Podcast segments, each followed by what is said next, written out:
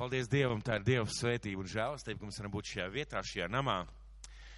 Un vārds, ar kuru šodien dalīšos, viņš ļoti sakarīgi un eh, ļoti loģiski izriet no tā, ka šodien ir šī gada pēdējais dievkalpojums.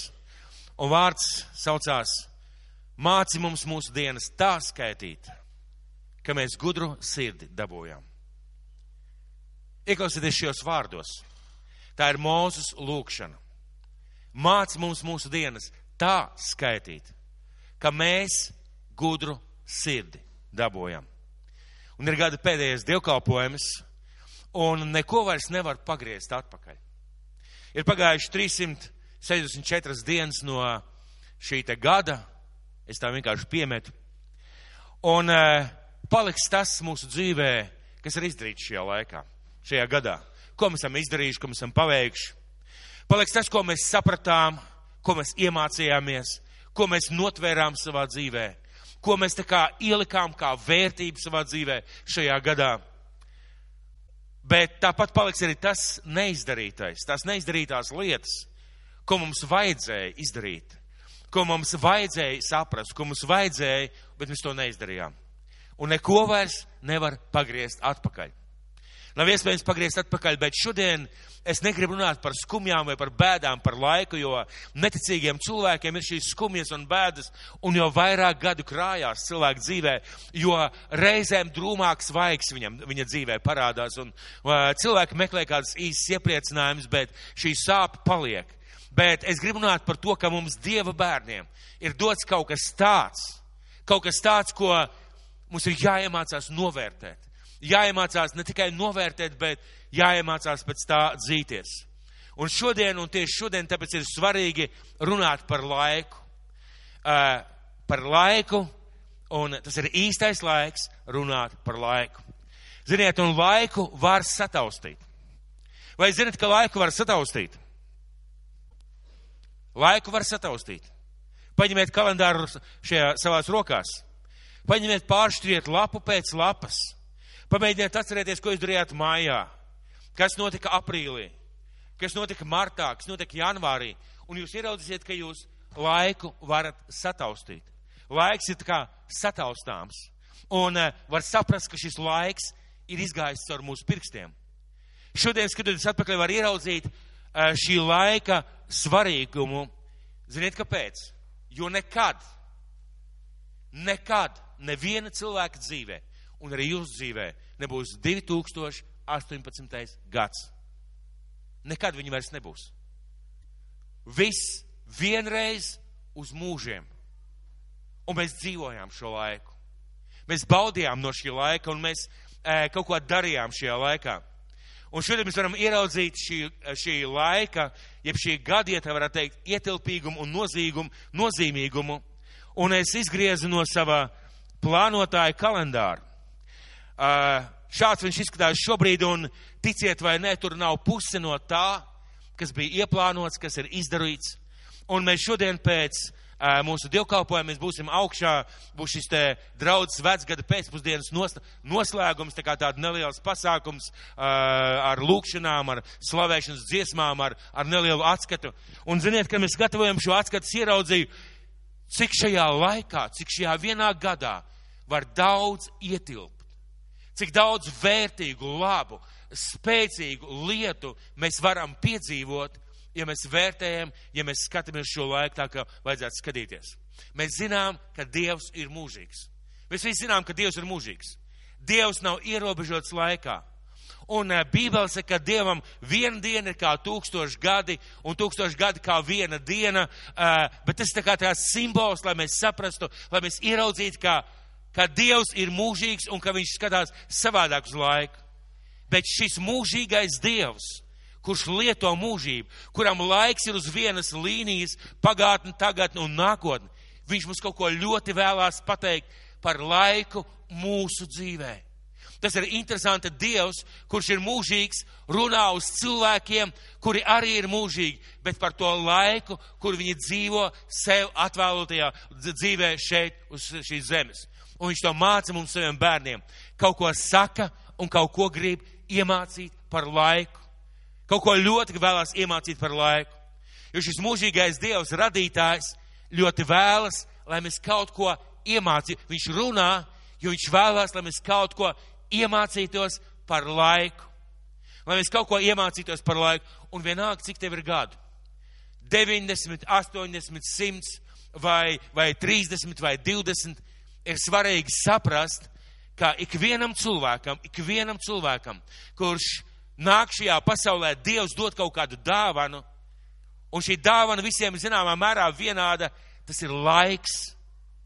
Ne visi piedzimst vienādās ģimenēs, ne visi piedzimst ar vienādu veselību, bet laiks visiem ir vienāds. Un ko mēs ar, šo, ar ko mēs šo laiku piepildām, tas iztaisa atšķirību. Tas iztaisa atšķirību, cik ir bijis vērtīgs laiks cilvēka dzīvē. Un Dievs, kurš ir mūžīgs, mums māca savus bērnus, kā būt ļoti rūpīgiem un gudriem par savu laiku. Būt ļoti rūpīgiem un gudriem par savu laiku. Lai mēs mākam skaitīt savas, savu laiku. Lai mēs sākam skaitīt savu laiku. Lai mēs sākam zināt, uh, lai mēs mākam zināt savu laiku, jeb saprast savu laiku, lai mēs mākam plānot savu laiku. Un svētais gars grib mūs un vadīt un veidot laikā. Redziet, pat svētais gars, kas arī ir mūžīgais dievs, viņš darbojās mūsu laikā, mūsu dzīvē. Un viņam ir laika un termiņi, kad, kur, kā un kāpēc viņš kaut ko dara. Kāpēc mums tas ir tik svarīgi to saprast? Tāpēc, ka cilvēka kritušajai dabai, vecajai dabai, ir tendence nenovērtēt, neplānot un izniekot laiku. Pēc savas dabas mēs esam laika izniekotāji. Pēc savu vecā cilvēka, pēc tās domāšanas mēs mīlam izniekot laiku nesvarīgām lietām vai vienkārši viņu kaut kādā vējā palaist vējā. Tāpēc, ka cilvēka dabai ir tendence sevi žēlot vienmēr atpūsties, vienmēr atlikt kaut ko vēlāk, vienmēr kaut ko izdarīt. Un, ziniet, savā laikā, kad es uh, biju armijā, man iemācīja tādu labu teicienu, padomju armijā tas bija. Ja tu gribi divas brīvas dienas, atliec visus divām dienām, un tev būs divas brīvas dienas. Fantastiski, pareizi. Tev vajag atvaļinājumu, atliec visas svarīgās lietas uz mēnesi, un tev mēnesis ir brīvs. Ziniet, bet augļi būs rūkti. Tās divas dienas būs saldas, fantastiskas, brīnišķīgas, nekādu pienākumu, nekādu rūpju, visu atlika atstum aizmugurē, bet pēc tam, lai izstreptu reizēm, vairs pat nav iespējams. Augļi būs rūkti. Tāpēc svarīgi ir laiku plānot. Un vēl tāpēc, ka mums ir ienaidnieks.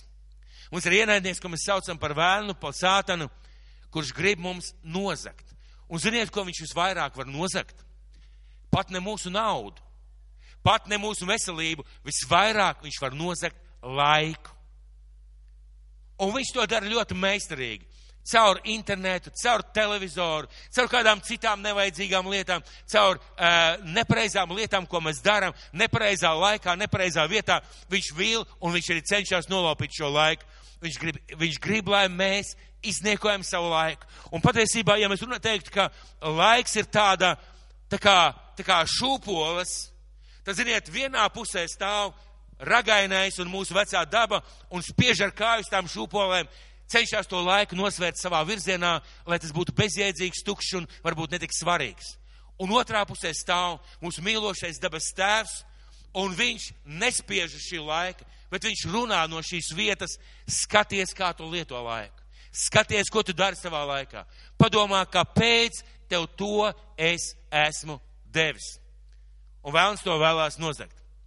Un tāpēc, ka domāt par savu laiku, izplānot savu laiku, ieplānīt un izdarīt lietas pareizās, pareizā laikā, pareizās lietas. Ļoti svarīgi izdarīt pareizās lietas, pareizā laikā ir debesu valstības domāšana. Mēs Dievu bērnu ļoti bieži aprobežojam sevi ar to, ka mēs sakam, debesu valstības domāšana ir Jēzus Kristus mani dziedina. Debes valstības domāšana ir Jēzus Kristus svētī manas finanses. Jēzus Kristus manā dzīvē dara to vai to vai to. Tā ir debes valstības domāšana, bet arī domāt par laiku ir debesu valstības domāšana. Ja Jēzus mācīja par laiku, ja svētais gars māca par laiku, ja Dieva vārds māca par laiku, tas nozīmē, ka tā ir debesu valstības vērtība un domāt par laiku ir debesu valstības domāšana. Un Jēzus un Svētais Gars katram mums, mums kaut ko grib mācīt par šo domāšanu. Man patīk piemēri no dzīves. Es domāju, ka mums visiem patīk, pareizi. Visiem patīk piemēri no dzīves.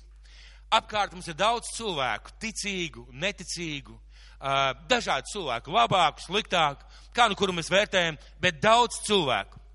Un ir daudz cilvēku, kas ir pat neticīgi un ticīgi, kas kaut ko savā dzīvē ir sasnieguši. Mēs varam vērot viņu dzīvi, mēs redzam, viņi kaut ko savā dzīvē ir sasnieguši. Ir kaut kādas lietas viņu karjerā, ir sasniegumi ģimenē, ir sasniegumi kaut kādā izglītībā, veselībā. Un ticīgi cilvēki, protams, savā kalpošanā. Ticīgi cilvēki, protams, savā kalpošanā. Un mēs varam ieraudzīt, ka to cilvēku dzīvē, kas kaut ko ir sasnieguši, vienmēr ir kāda lieta, kas ir raksturīga, ir saistīta ar to, kā viņi izturās pret laiku. To cilvēku dzīvē, ticīgu un necīgu cilvēku dzīvē, kas kaut ko ir sasnieguši, ko mēs varam skatīties un mācīties, ņemt kā piemērus, vienmēr ir viena raksturīga īpašība. Viņi vērtē laiku. Viņi vērtē savu laiku un viņi vērtē citu laiku. Viņi vērtē laiku. Un mēs varam ieraudzīt, ka Tā ir vienmēr saistīta ar laiku. Kā viņi plāno laiku, viņi domā, kā viņi plāno laiku, cik mērķiecīgi un auglīgi izmanto savu laiku, mēs varam redzēt, kādus mērķus noliek laikā, un rezultātā viņi daudz sasniedz.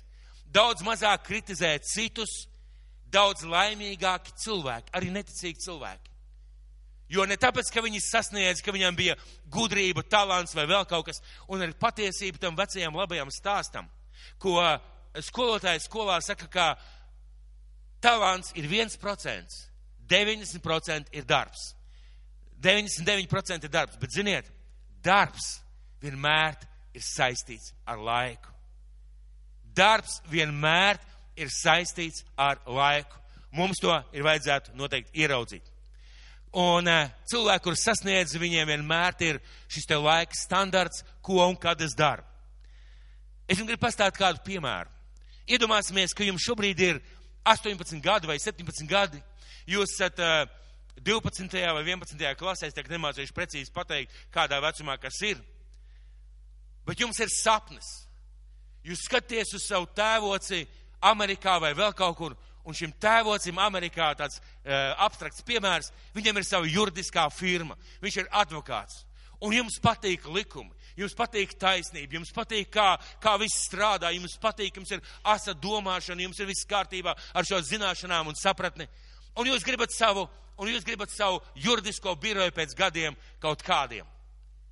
Un ja jūs pēc 15 gadiem gribat juridisko biroju, tad, ja jums ir, teiksim, pieņemsim, jums ir 18 gadi, pielieciet klāt pie savu vecumu 15 gadus un sāciet skaitīt no tā gala lai jums būtu savs juridiskais birojs pēc 15 gadiem, jums pēdējos piecus gadus jānostrādā kādā juridiskā birojā vienkārši kā palīgam, lai jūs būtu veiksmīgi. Pēc tam skaitam atpakaļ, lai jūs kādā juridiskā birojā varētu nostrādāt piecus gadus veiksmīgi, mācīties un sasniegt savu, savu mērķi, savu biroju. Jums piecus gadus ir jāmācās juridiskajā fakultātē. Un, lai jūs varētu mācīties 5 gadus juridiskajā fakultātē, jums jāveltī pēdējie divi gadi, lai labi pabeigtu vi, augstāku vidusskolu. Un jums tas viss ir jāieplāno. Mēs ļoti bieži domājam, es gribu dzīvē kaut ko sasniegt, bet mēs nevērtējam šo laika termiņu. Mēs nevērtējam to, kā mums vajadzētu veidot šo laiku. Un kas ir svarīgi tiešām tie cilvēki, kas daudz ko sasniedz, viņi, viņi ir daudz laimīgāki. Viņi ir daudz veiksmīgāki. Un ziniet, ko viņi daudz mazāk kritizē un runā par citiem. Un tajā pašā laikā, tajā pašā laika termiņā, tajos pašos gados un tajā pašā lietā eh, es varu runāt, teiksim, varbūt par eh, skolu. Un es domāju, ka māsa Anita, viņa ir skolotāja, un vēl kas šeit ir skolotāja, jūs man piekritīsiet. Izrādās, ka dzīvē daudz sasniedz nevis tie, kuri vislabāk mācījās klasē, bet bieži vien tie rezgaļi Bieži vien tie, nu tie, tie kurus lamāja klasē, ziniet, kāpēc? Viņiem ir enerģija kaut ko darīt. Viņi vienkārši nesēž savā krēslā un nedzīvo, nedeldē bikses.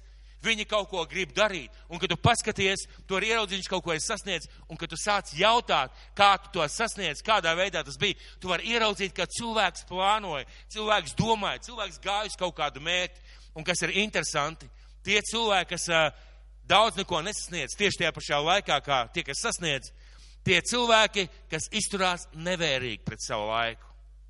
Tie ir cilvēki, kas savu un citu laiku nevērtē un to, ko dara laikā. Daudz lietas nedara laikā, neizmanto gudru laiku. Ļoti bieži runā par citiem, kritizē citus, apsūdz citus, spriež par citiem un ļoti bieži ir nelaimīgi. Ziniet, kāpēc? Un nelaime tā, ka ne jau raksturs. Nelaime varbūt nav tā, ka spēju nav. Nelaime tā, ka cilvēks nevērtēja laiku. Nevērtēja to dāvanu, ko Dievs bija iedevis, un neplānoja, nedomāja, kā to izdarīt. Un rezultātā parasti tādiem cilvēkiem dzīvē nav augļu. Rezultātā tādiem cilvēkiem bieži vien dzīvē nav augļu. Tas nepriecē ne debesu tēvu, ne viņu pašu, ne varbūt arī apkārtojos cilvēks.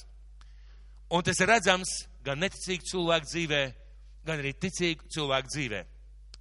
Un ļoti bieži tā galīgā novērtējuma līnija ir tas, ko mēs saucam par bērēm. Ziniet, bērēs priekš tā cilvēku, kurš guļ tajā koka kastē, viss ir beidzies. Ne viņš kaut ko var pielikt, ne viņš kaut ko var atņemt, ne viņš kaut ko var izdarīt. Viss ir beidzies. Un, ziniet, eh, bērēs ir ļoti interesanta situācija. Man ir gadījies bērēs, kur esmu teicis par aizgājušo. Tas bija cilvēks, kurš dzīvoja ar devīzi es spēju, es varu, es to darīšu. Un tu vari ieraudzīt, cik daudz dažādās lietās šis cilvēks ir izdarījis. Un esmu stāvējis bērēs, kur es domāju, ko par šo cilvēku es varētu pateikt.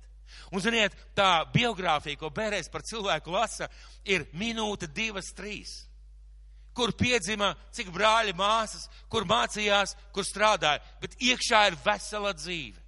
Vesela dzīve un ne šajās, šajās, pie stāvot pie šīs līnijas, ne tas, cik gadus cilvēks ir nodzīvojis, ir svarīgi. Bet tas, kā nodzīvojis savu laiku, tas ir tas, kas pasaka par cilvēku dzīvi. Kā viņš lietoja savu laiku, ar ko piepildīja savu laiku. Vai tie bija maz vai daudz gadi, ar ko piepildīja savu laiku ko cilvēki, esot mūsu bērēs, domās par mūsu dzīvi. Kā jūs domājat? Mūsu bērēs, ko cilvēki domās par mūsu dzīvi? Vai, vai viņiem būs kaut kādas domas, un ja šodien, ja brīd būtu mūsu pēdējā diena, ko cilvēki domātu, ko viņi teiktu par mūsu dzīvi? Kā šis cilvēks nodzīvoja savu dzīvi? Kā un vai viņš iespaidoja tos cilvēkus, kas bija viņam apkārt, Ko viņš atstāja aiz sevis? Vai palika kaut kāds iespējas sabiedrībā, pilsētā, ģimenē? Un tas viss saistīts ar to, ko šis cilvēks darīja ar savu laiku. Ko šis cilvēks darīja ar savu laiku? Un, ziniet, Dievam vienmēr ir taisnība. Lai kā mums gribētu strīdēties, Dievam vienmēr ir taisnība. Un Dievam pieder visa gudrība. Un ko tad mūsu debes tēvs mums saka par laiku? Ot, iedomāsimies, iedomāsimies situāciju, es esmu minējis, ka, kad es gatavojos dievkalpojumam, es bieži vien, lai mēģinātu saprast, ko, ko man vajadzētu teikt. Es uh, iztēloju šādi, ka šeit stāv Kristus, un es saku, Kristu, ko tu teiktu? Ja šodien būtu Jēzus Kristus šeit šajā vietā, kā jūs domājat, ko viņš teikt? Un svarīgi ne vispārīgi par laiku, jo vispārīgi par laiku var filozofēt, ziniet, bezgalīgi un uh, ilgi un dikti, bet par tavu laiku par manu laiku personīgi. Ko Jēzus teiktu par šo pagājušo gadu? Un es gribētu mūs visus vest uz 90. psalmu. 90. psalms, atšķiriet lūdzu 90. psalmu no pirmā panta. Ļoti svarīgs psalms, 90. psalms. Mūzus dieva vīra lūkšanu. Un es domāju, ka tas tā speciāli Dievs vēlējies, lai mēs ieraugam, ka tā ir Mūzes Dieva vīra lūkšana. Tātad uh, Dievu vīrs lūdz, un kas ir inspirējis šo lūkšaniem, šo psalmu, svētais gars, tātad Dievs. Un lūk, ko caur mūsu lūkšanu mēs varam ieraudzīt, kas ir svarīgi. Kungs, tu mums esi bijis par patvērumu uz radradiem, pirms kalni radušies, pirms zeme un pasaule radīta, tu esi no mūžības uz mūžību, ak, Dievs! Tu cilvēks atkal dari par pīšļiem un saki, griezieties atpakaļ, jūs cilvēku bērni. Jo tūkstoši gadu tev priekšā ir kā vakardiena, kad tā pagājusi kā viena nakts sardze.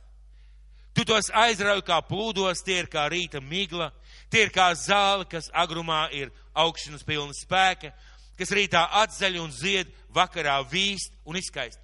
Divas lietas. Dievs pasaka, ka cilvēka dzīve ir ļoti īsa, nevis nenozīmīga, nevis nesvarīga, bet ļoti īsa, un Dieva dzīve ir mūžīga. Šīs, šīs divas lietas tiek pateikts. Un tālāk no, no 10. līdz 12. pantam. Mūsu dzīvības laiks ir 70 gadi, un ir kāds ļoti stiprs 80 gadi. Un mūža iegūms ir grūtums un bēdas. Tas paiet ātri, un mēs aizlidojam kā ar spārniem. Bet kas gan izprot tavu dusmu spēku un kas saredz tavas bardzības niknumu, tevi bīdamies? Un 12. pants māci mums mūsu dienas tā skaitīt, ka mēs gudru sirdi dabūjam. Es domāju, ka, man, es domāju, ka mēs ļoti pilnvērtīgi varam iedomāties mūsu. Šo dievu cilvēku, kas 40 gadus bija faraona eh, galmā, Pēc tam 40 gadus bija tuksnesī, un nu viņš šos 40 gadus ved tautu pa tuksnesi. Es domāju, ka viņš saprata un spēja vērtēt laiku. Un es domāju, ka šī lūkšana, šis psalms, šī vieta nav vienkārši, ziniet, tāda, tāda garīga frāze, ak, kungs, māci man manas dienas skaitīt. Es domāju, ka viņš bija sapratis, cik svarīgs ir laiks. Cik svarīgs ir laiks, kurā viņš dzīvo. Un lūk, viņš saka, māci mums mūsu dienas tā skaitīt, ka mēs gudru dzī, uh, sirdi dabūjam. Un mēģināsim vārdiem māci. Mūzus lūdz, lai Dievs viņu māca. Vai kāds no jums ir mācījis, lūdzu, lai Dievs māca skaitīt laiku? Vai kāds no mums ir lūdzis, lai Dievs māca skaitīt laiku? Un mums ir jālūdz, lai Dievs mums māca skaitīt laiku. Kam mums māci mums personīgi? Ziniet, man ir būt, man ir brīnišķīgs prieks par māsu uh, Daigu vai par Anitu vai par sievu vai par vēl kādu cilvēku šajā zālē. Ja tas cilvēks māc skaitīt laiku, es ļoti priecātos par to. Bet ziniet, kas ir svarīgi? Man ir svarīgi mācīt skaitīt manu laiku. To, kā man Dievs ir iedevis. Jo lieliski skatīties uz brāļu panākumiem, svētībām un izglītību, izdošanos un vispārējo, bet Dievs skatās uz mani un man ieskatās uz mani personīgi. Māci mums mūsu ne vispārīgi, bet personīgi mūsu laiku, mūsu dienas, mūsu laiku, ko Dievs mums ir devis. Tā skaitīt, ko nozīmē vārdi tā skaitīt? Atkal tā nav garīga frāze, tas nozīmē skaitīt, vērtēt, izsvērt, pārdomāt, apdomāt, plānot, ka es gudra sirdi dabūju, ka mainās mana sirds ka mainās mani motīvi, ka mainās mans prāts, manas domas, mana domāšana, mana paradumi, manas prioritātes, un līdz ar to mainās mana dzīve. Un ja es gudri skaitu laiku, mana dzīve ir gudra. Ja es gudri mācu skaitu laiku, mana dzīve ir Dieva valstības domāšana. Un tas ir svarīgi ieraudzīt. Vai mēs ticam, ka visām lietām ir savs laiks? Vai jūs ticat, ka visām lietām ir savs laiks? Nē, nu, brokastis var paēst arī pusdienās, vai ne? Nu, nav tik svarīgi, pareizi. Vai vakariņas, teiksim, rīt no rīta arī var paēst. Bet vai mēs ticam, ka visām lietām ir savs laiks? Jeb katrai lietai ir savs vislabākais laiks. Vai jūs tam ticat? Kāpēc jūs tam ticat? Kāpēc jums, jūs tam ticat? Nu labi, jā, bet varbūt es varbūt es varu to, ko es nokavēju, pēc gada izdarīt, pēc diviem, pēc trījiem. Kā jūs domājat? Vai katrai lietai ir savs laiks? Balstoties uz ticību, jā. Skatieties, Salmans mācītājs. Un ļoti svarīgi ieraudzīt, ka Salmans bija ļoti gudrs vīrs, un šo gudrību viņam deva Dievs. Nevis viņš pats kļuva gudrs, bet mēs varam lasīt to stāstu, ka viņš prasīja Dievu, Dievs dod man gudrību, un Dievs viņam deva. Un šis Salmans, šis gudrais vīrs, uh, Salmans mācītājs trešajā nodaļā, atšķiriet kopā ar mani, Salmans mācītājs 3.1, un tad no otrā panta. Un lūk, ko Salmans saka, un manuprāt, tas ir svētais gars, kas saka caur uh, savu Salmanu un caur, šiem, šo, caur šo rakstu vietu. Katrai lietai ir savs nolikts laiks, un katram īstenošanai paredzētam nodomam zem debes ir sava stunda. Nedaudz padomāsim par to. Katrai lietai ir savs nolikts laiks Ja mēs esam neticīgi cilvēki, mēs varam domāt šā un tā, veicās, paveicās, izdomāja, sapratni, bet ja mēs esam ticīgi cilvēki, mēs varam saprast, ka Dievs katrai lietai mūsu dzīvē, tādām lielām lietām pilnīgi noteikti ir paredzējis savu laiku. Un katram īstenošanai paredzētam nodomam zem debes ir sava stunda. Svarīgi ir, katrai lietai ir savs laiks, pat, un eh, pat laba jauka, brīnišķīga lieta ne savā laikā. Laba, brīnišķīga, svētīga, gudra, eh, pareiza, jauka, eh, svētīga, sauciet, kā gribiet, lieta, bet ne savā laikā. Vairs nav laba. Ziniet, kāpēc? Jo nav savā laikā. Tas nozīmē, ka tieši laiks šo lietu padara vai nu pastiprina par labu, vai nu taisn otrādi e, samazina, ka tā vairs nav laba laiks, kurā mēs to darām. Piemēri, vai ir kādi piemēri? Jā, protams, sakiet, vai lūkšana ir laba lieta? Lūkšana ir laba lieta. Lūkšana ir laba lieta, brāļi, māsas. Laba lieta, pareizi. Bet lūkšana darba laikā, kad tev ir jāstrādā, ir laba lieta. Rete jau domas dalās. Es jums pastāstīšu piemēru vienu cilvēku atlaida no ļoti labi apmaksāta darba. Ziniet, kāpēc? Nevis tāpēc, ka viņš nedarīja savu darbu, bet tāpēc, ka viņš darba laikā ieslēdzās toaletē un lūdza Dievu. Un priekšnieks atbrauca vienreiz, atbrauca otrais un pateica, zini ko? Priekš kā man tāds darbinieks lūdz Dievu mājās? Darbā es gribu, lai tu strādā. Vai viņam bija taisnība? Mīļie brāļu māsas, taisnība, pareizi? Tu vari lūgt Dievu, ja tas tev netraucē. Tu lūgt Dievu kaut kādā brīvajā laikā, bet lūgt Dievu uh, laikā, kad tev ir jāstrādā, tad ir laba lieta, bet ne savā laikā vairs nav laba. Sazvanīšanās ar tuviniekiem, kā jūs domājat, vai ir laba lieta? Ļoti laba, pareizi. Ir svarīgi sazvanīties ar, ar tuviniekiem. Bet sazvanīšanās uh, mācību sesijas laikā, stundas laikā ir laba lieta. Nu kā, nu es taču radiniekiem zvanu. Ļoti laba lieta, pareizi.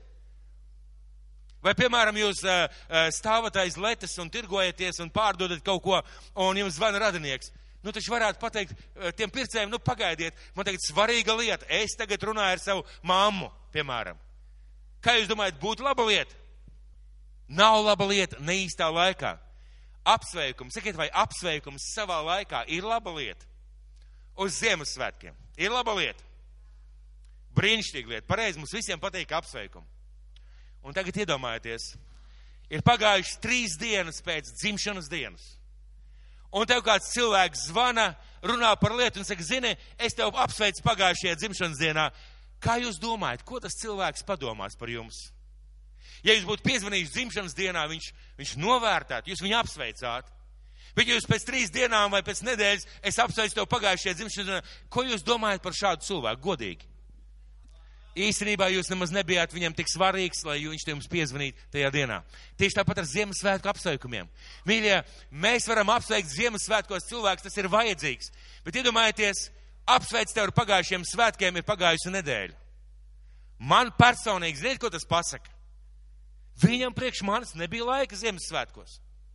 Es viņam nebija svarīgs. Tagad viņš zvana citā lietā, no pēkšņi viņš atcerējās. Ir cits stāsts, ja tev, zva, ja tev zvana un saka, zini, es aizmirsu, man kaut kā tā gadījās, nu nesanāca, biju saslimis ar galvu vai vēl kaut kādas problēmas, nu nepiezvanīju, vot tagad zvana apsveic dzimšanas diena, jūs noteikti pieņemsiet. Bet jums zvana, piemēram, zini, man salūzus mašīna, vai tu nevarētu man salabot, ā, jā, starp citu apsveic tev pagājušajos Ziemassvētkos. Jaunieši saka, come on! Ir pagājušas jau nedēļa, par kādiem Ziemassvētkiem tur runā. Un rezultātā šis apsveikums kļūst pat zināmā mērā par piedauzību, par jūsu dzīvi. Par to, kā jūs skatāties uz šo cilvēku. Īstajā mirklī pateikts vārds, ļoti bieži īstajā mirklī, īstajā mirklī pateikts vārds ir kā, ir kā, ir kā tāds dieva sūtnis, kā tāds eņģels. Bet pamēģiniet šīs pašas domas vai, vai šo pašu, šos pašus vārdus vai tās pašas idejas pateikt pēc kādas nedēļas, visdrīzāk rezultāts būs slikts. Vai var pabeigt augstskolu 70 gados? 70 gadu vecumā. Var pabeigt augstskolu? Pilnīgi mierīgi. Pareizi? Bet rezultāts. Kāds rezultāts būtu bijis, ja tu būtu 30 gados pabeidzis augstskolu? Kas būtu noticis ar tavu dzīvi, tavu karjeru, tavu darbību, vai ne? 70 gados ir lieliski pabeigt augstskolu, brīnišķīgi, bet kad vajadzēja pabeigt augstskolu? Tad, kad tev bija laiks priekš augstskolas. Vai Jēzus vērtēja laiku, kā jūs domājat? Vai Jēzus Kristus, mūsu kungs un glābējs un pestītājs, vai viņš vērtēja laiku? Vai viņš zināja pareizo laiku pareizām lietām? Kā jūs domājat? Vai Jēzus zināja pareizo laiku pareizām lietām? Vai viņš plānoja savu laiku, kā jūs domājat? Ja viņš plānoja, vai mums arī nevajadzētu plānot? Skatieties, es gribu jums parādīt divas vietas. Ļoti, ļoti interesants. Mateja evaņģēlijas 17. 16. nodaļa, 21. pants. Mateja evaņģēlijas 16. nodaļa, 21. pants. Protams, ka runa neiet burtiski par to sekundi un par to mirkli. Bet skatieties, ko saka šis pants. No tā laika Jēzus iesāk saviem mācekļiem rādīt, ka viņiem vajagot noiet uz Jeruzalemi, daudz ciest no vecajiem un augstiem priesteriem un rakstu mācītājiem un tikt nokautam un trešajā dienā augšām celties.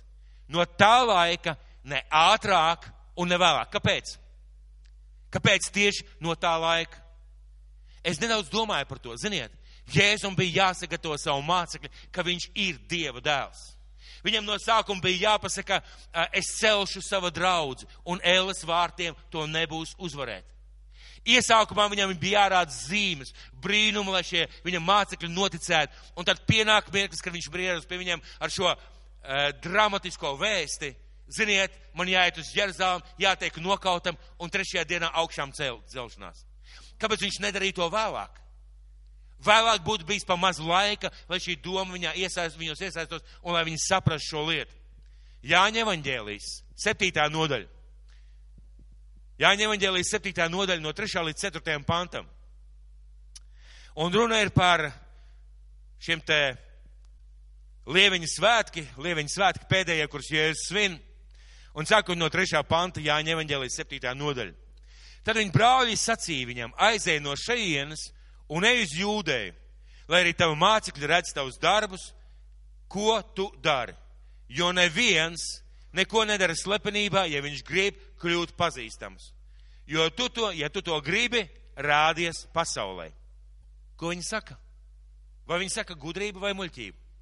Viņi saka absolūti patiesi. Viņi saka, Jēzu, ja tu gribi, lai tavu mācekļi redz tavus brīnumus, Ej, rādies pasaulē, jo tu taču gribi, lai tevi redz, lai tevi saprot, lai, lai cilvēki dzird tevi. Ej, rādies.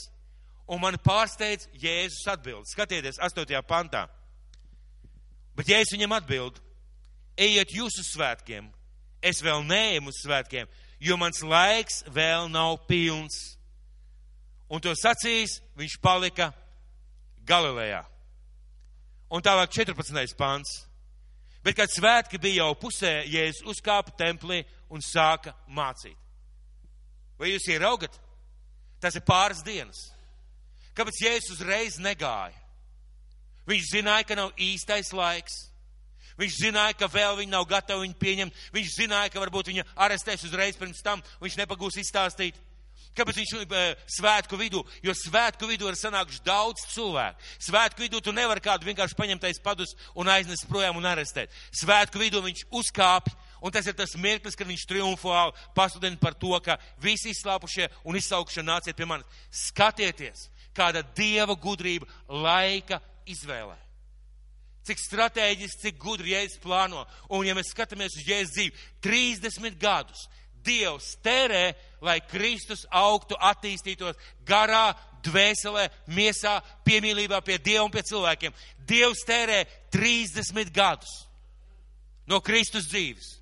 Un pēdējie trīs gadi ļoti mērķiecīgi, skaidri definēts mērķis, savā laikā visas lietas Jēzus dara.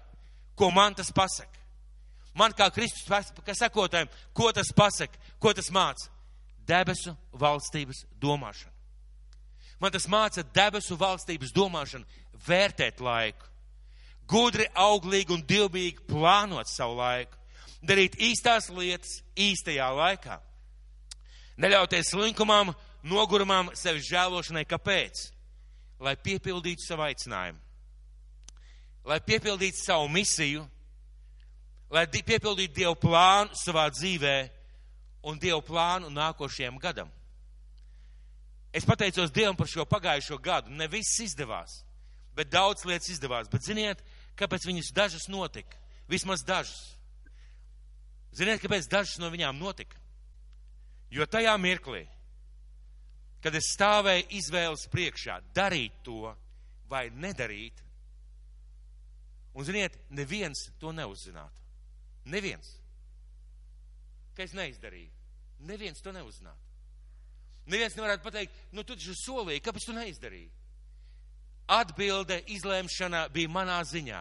Es stāvēju un domāju, darīt man to vai nedarīt. Un tad, es zinu, ka mēs zinām, par ko mēs visi runājam. Un tad tu pieņem lēmumu, nē, par spīti nogurumam, par spīti tam, ka negribās, es iešu un darīšu. Un tu dari to, un tu ieraugi, ka Dievs ir svētījis. Tu ieraugi, ka tieši tāpēc, ka tu darīji tajā laikā, tajā mirklī, tajā vietā, tāpēc Dievs ir svētīts. Un Jēzus mums māca šīs lietas. Jēzus svētais gars mums māca šīs lietas. Un mūsu dzīvē ir sagatavošanās mūžībai. Kā Jēzus teica, mūžībai. Viņš ir mūžīgs, mēs esam mūžīgi.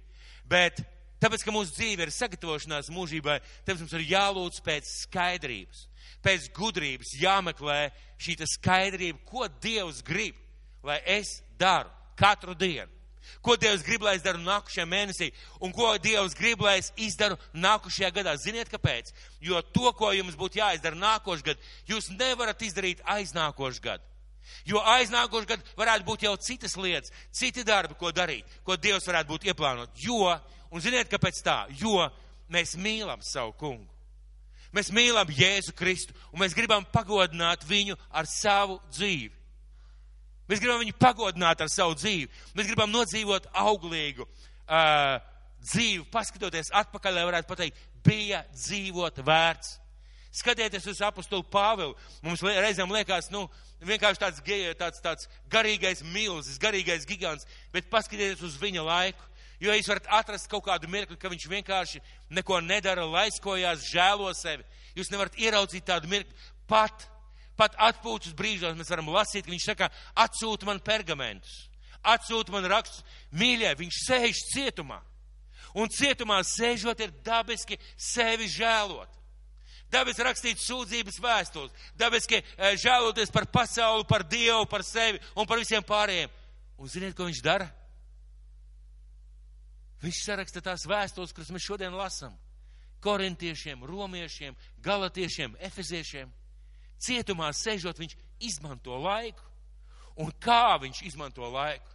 Viņš izmanto tā laiku, kad Dieva elpa ir viņa vēstulēs, kad svētais gars apzīmolo šīs vēstules, un šīs vēstules ir daļa no evaņģēlī, daļa no Dieva vēsts visai pasaulē un arī mums. Mēs mīlam savu kungu, mēs gribam nodzīvot auglīgi savu dzīvi, mēs gribam dzirdēt vārdus. Tu godīgais un uzticamais kalps, ieej savu tēvu mierā. Un ja mūsu sirds spēja pateikt šos vārdus, vēl vairāk debes tēvs, Un tieši tāpēc, un tieši tāpēc šovakar, rīt, parīt, es gribētu aicināt ikvienu, ikvienu, lūgt Dievu pēc gudrības. Ko vajag izdarīt nākošajā gadā? Pēc gudrības, pēc atklāsmes un plānot un pierakstīt, ko man nākošajā gadā vajadzētu izdarīt. Kādām vajadzētu būt vērtībām un ziniet kādās lietās? Septiņās mūsu dzīves sfērās. Un es jau dzirdu savā prātā cilvēks, kam ir šī negatīvā pieredze. Jāni, ko tu runā? Es savā jaunībā vai gadu, divus, trīs vai četrus atpakaļ plānoju rakstīt, nekas no tā nepiepildījās. Priekš kam man to darīt? Es piedzīvoju tikai vilšanos, man bija tikai sāpīgi. Varbūt paskaties, kāpēc piedzīvoju vilšanos. Varbūt uzrakstīju un gaidīju, ka Dievs pats visu to izdarīs. Ka Dievs pats tavā vietā visu to izdarīs. Ziniet, iznāk tāda ķenča lūkšana nedaudz, pareizi. Es gribu jūs visus mudināt, skubināt un domāt par to, ka jūs saplānojat šo nākšo gadu septiņās sfērās. Kādas ir mūsu dzīvē šīs septiņas sfēras? Un atkal es dzirdu savā galvā balsi. Jāni, tu atkal ar tām septiņām dzīves sfērām. Bet tā ir patiesība. Kādas ir mūsu dzīves sfēras? Vai kāds man var palīdzēt? Un tagad es uzzināšu, vai es esmu veltīgi tērējis laiku, spēkus un uh, kustījis mēli. Kādas ir septiņas sfēras mūsu dzīvē? Māsānīte saka, garīgā, tā ir taisnība, pirmā sfēra. Vēl kāda? Ģimene, tā ir otrā sfēra. Vēl kāda? Ilona, tu jau divas paņēmi. Labi, kalpošana, kāda vēl sfēra mūsu dzīvē ir? Finanses, ģimene bija, mazbērni ir ģimene, finanses, pareizi. Vēl kāda sfēra? Atpūta. Tā ir pat pēdējā, bet liekam klāt. Atpūta. Vēl kāda veselība un vēl kāda izglītība. Un ziniet ko? Tā ir taisnība. Mēs varētu sadalīt šīs septiņas sfēras vēl kādās piecās pamatsfērās, bet ziniet, kas būtu baigi svarīgi? Ka mēs šo pāris dienas tagad pirms jaunā gada sāksies un neatliecat uz jauno gadu nav skumīgāku sapņu, mērķu un domu, kas tiek uh, par kaut kādu gadu paredzēta februāra beigās, uh, mārta sākumā, un kā viens gudrs cilvēks teica, nu, ziniet, tu saplānoji kaut ko, ka no 1. janvāra tu celsies un iesi augstā dušā, vai, nezinu, sāksi, sāksi kaut ko darīt, vai savu istabu kārtot, vai kārtīgi mācīties, un tev līdz februāra vidum nesanāca. Mierini sevi ar domu. Paņem ķīniešu jauno gadu, viņiem martā sākās Tad tev ir mierinājums, bet nedarīsim tā. Redziet, un sāksim ar garīgo sfēru. Padomāsim par garīgo sfēru, ko mēs gribētu, kā mēs gribētu nākamajā gadā lūkšanas dzīvē. Pusstundu katru dienu, stundu katru dienu. Cik mēs lasīsim Bībeli, un es gribētu jums izmest, mest izaicinājumu. Jūs ziniet, ka Bībeli var izlasīt pa vienu gadu? Esat dzirdējuši? Bībeli lasot kaut kādas septiņas nodaļas dienā, var izlasīt pa vienu gadu. Tas nav daudz īstenībā. Kā būtu, ja mēs apņemtos, es pa nākošo gadu pirmo reizi mūžā izlasīšu Bībeli no vāka līdz vākam. Kā būtu, ja mēs apņemtos? Ziniet, kas visvairāk par to priecātos? Visvairāk par to priecātos mūsu debes tēvs. Un gada beigās jūs, jo noticis neticamais. Jūs izlasījāt Bībeli pa vienu gadu. Tas tika notikums. Tātad plānojam šo garīgo sfēru ģimeni. Ko plānot ģimenē? Cik un kā veidosim attiecības? Plānosim kopējo laiku, plānosim apciemot tuviniekus un radiniekus reizi mēnesī, reizi nedēļā, plānosim uz ģimenes dzīvi. Kalpošanā, kādā kalpošanā mēs kalposim, kas ir interesanti, lai cik šī draudz ir kalpojuši un svētīti ar tiešām kalpojušiem cilvēkiem, nodevušamies savai kalpošanai, kādi 30 cilvēki nav nevienā kalpošanā. Viņi vienkārši, vienkārši peld. Vienkārši peld pa savu dzīvi. Un te nav jautājums par kādu, teiksim, pārmetumu, bet fakts, padomā, kurā vietā tu varētu kalpot šajā nākušajā gadā. Un ārā ir iespēja pierakstīties. Finanses. Kā tu darbā strādās? Vai tu varētu padomāt, kā es turpmāk darbā strādāšu? Tā, lai priekšniekam prieks, Vai lai man pašam ir prieks? Kā lai pašam prieks, jā? Ja? nabaga priekšnieks. Ar viņa biznesu ir cauri. Lai priekšniekam ir prieks, lai viņi priecājās par to, kā tu strādā. Un vēl ir lieta, kādā darbā tu strādās. Padomā, ja tu esi strādājis gadu, divus un trīs un knapēsi savilcis galus kopā, vai tev vajadzētu vēl piecus gadus nostrādāt, lai pēc pieciem gadiem secinātu, ka tas darbs tev nedara, tev nepatīk, tu nevari nopelnīt? Padomā par to, kādā darbā tu strādās, paplāno to izglītībā, kādas un cik grāmatas jūs izlasīsiet šajā nākušajā gadā. Kādu tēmu jūs pētīsiet? Kas būs tā prioritāte, par ko jūs lasīsiet, par ko jūs domāsiet? Mums draudzē būs fantastiski semināri janvāra beigās. Vai tu plāno viņos būt? Nākušā gada beigās mums būs uh, GLS konference vadītājiem.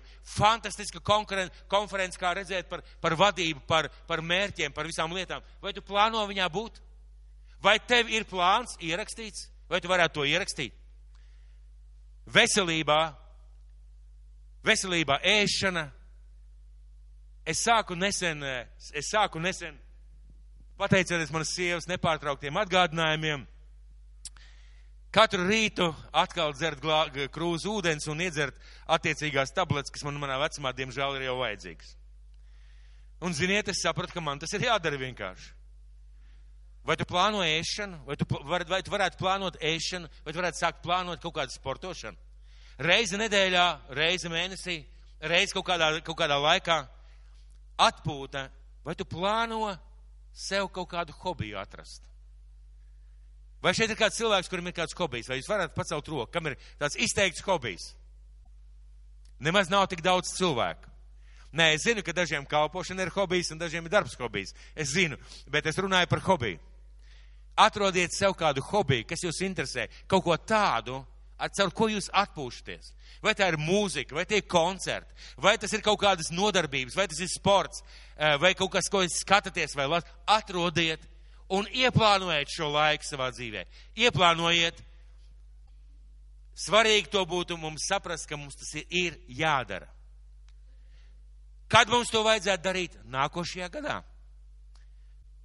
Un kas tas būs, kā jūs domājat? Kas tas beigās būs, kad jūs to būsiet izdarījuši, saplānojuši un, un nedomājiet par zaudējumu? Domājiet, ka jums tas izdosies, ja jūs saplānojāt, salikāt, domājiet un ejiet un dariet to, ko esat saplānojuši. Kā jūs domājat, kas tas būs? Kā jūs domājat, kas tas būs? Dieva vārda realizēšana savā dzīvē un tas Dieva vārds, ko jūs realizēsiet savā dzīvē, saucās māci mums mūsu dienas tā skaitīt, ka mēs gudru sirdi dabūjam. Tā būs šī Dieva vārda realizācija jūsu dzīvē. Jo Dieva vārds ir praktisks un viņš ir īsts. Un es gribētu lūgt Dievu par mums visiem. Mīļais debes tēvs, mīļais kungs, mēs šodien stāvam to priekšā. Debes Tēvs, mēs pateicamies par Tavu vārdu. Mēs pateicamies Tēvs par tām lietām, ko Tu mums māci. Kungs, un mēs Tev pateicamies par to laiku, ko Tu mums katram esi devis. Un mīļais debes Tēvs, mīļais debes Tēvs, Jēzus Kristus vārdā. Kungs, palīdz mums iemācīties skaitīt savas dienas. Debes Tēvs palīdz mums ieskā, iemācīties rakstīt savas dienas, zināt savas dienas, plānot savas dienas, debes tēvs, Jēzus Kristus vārdā.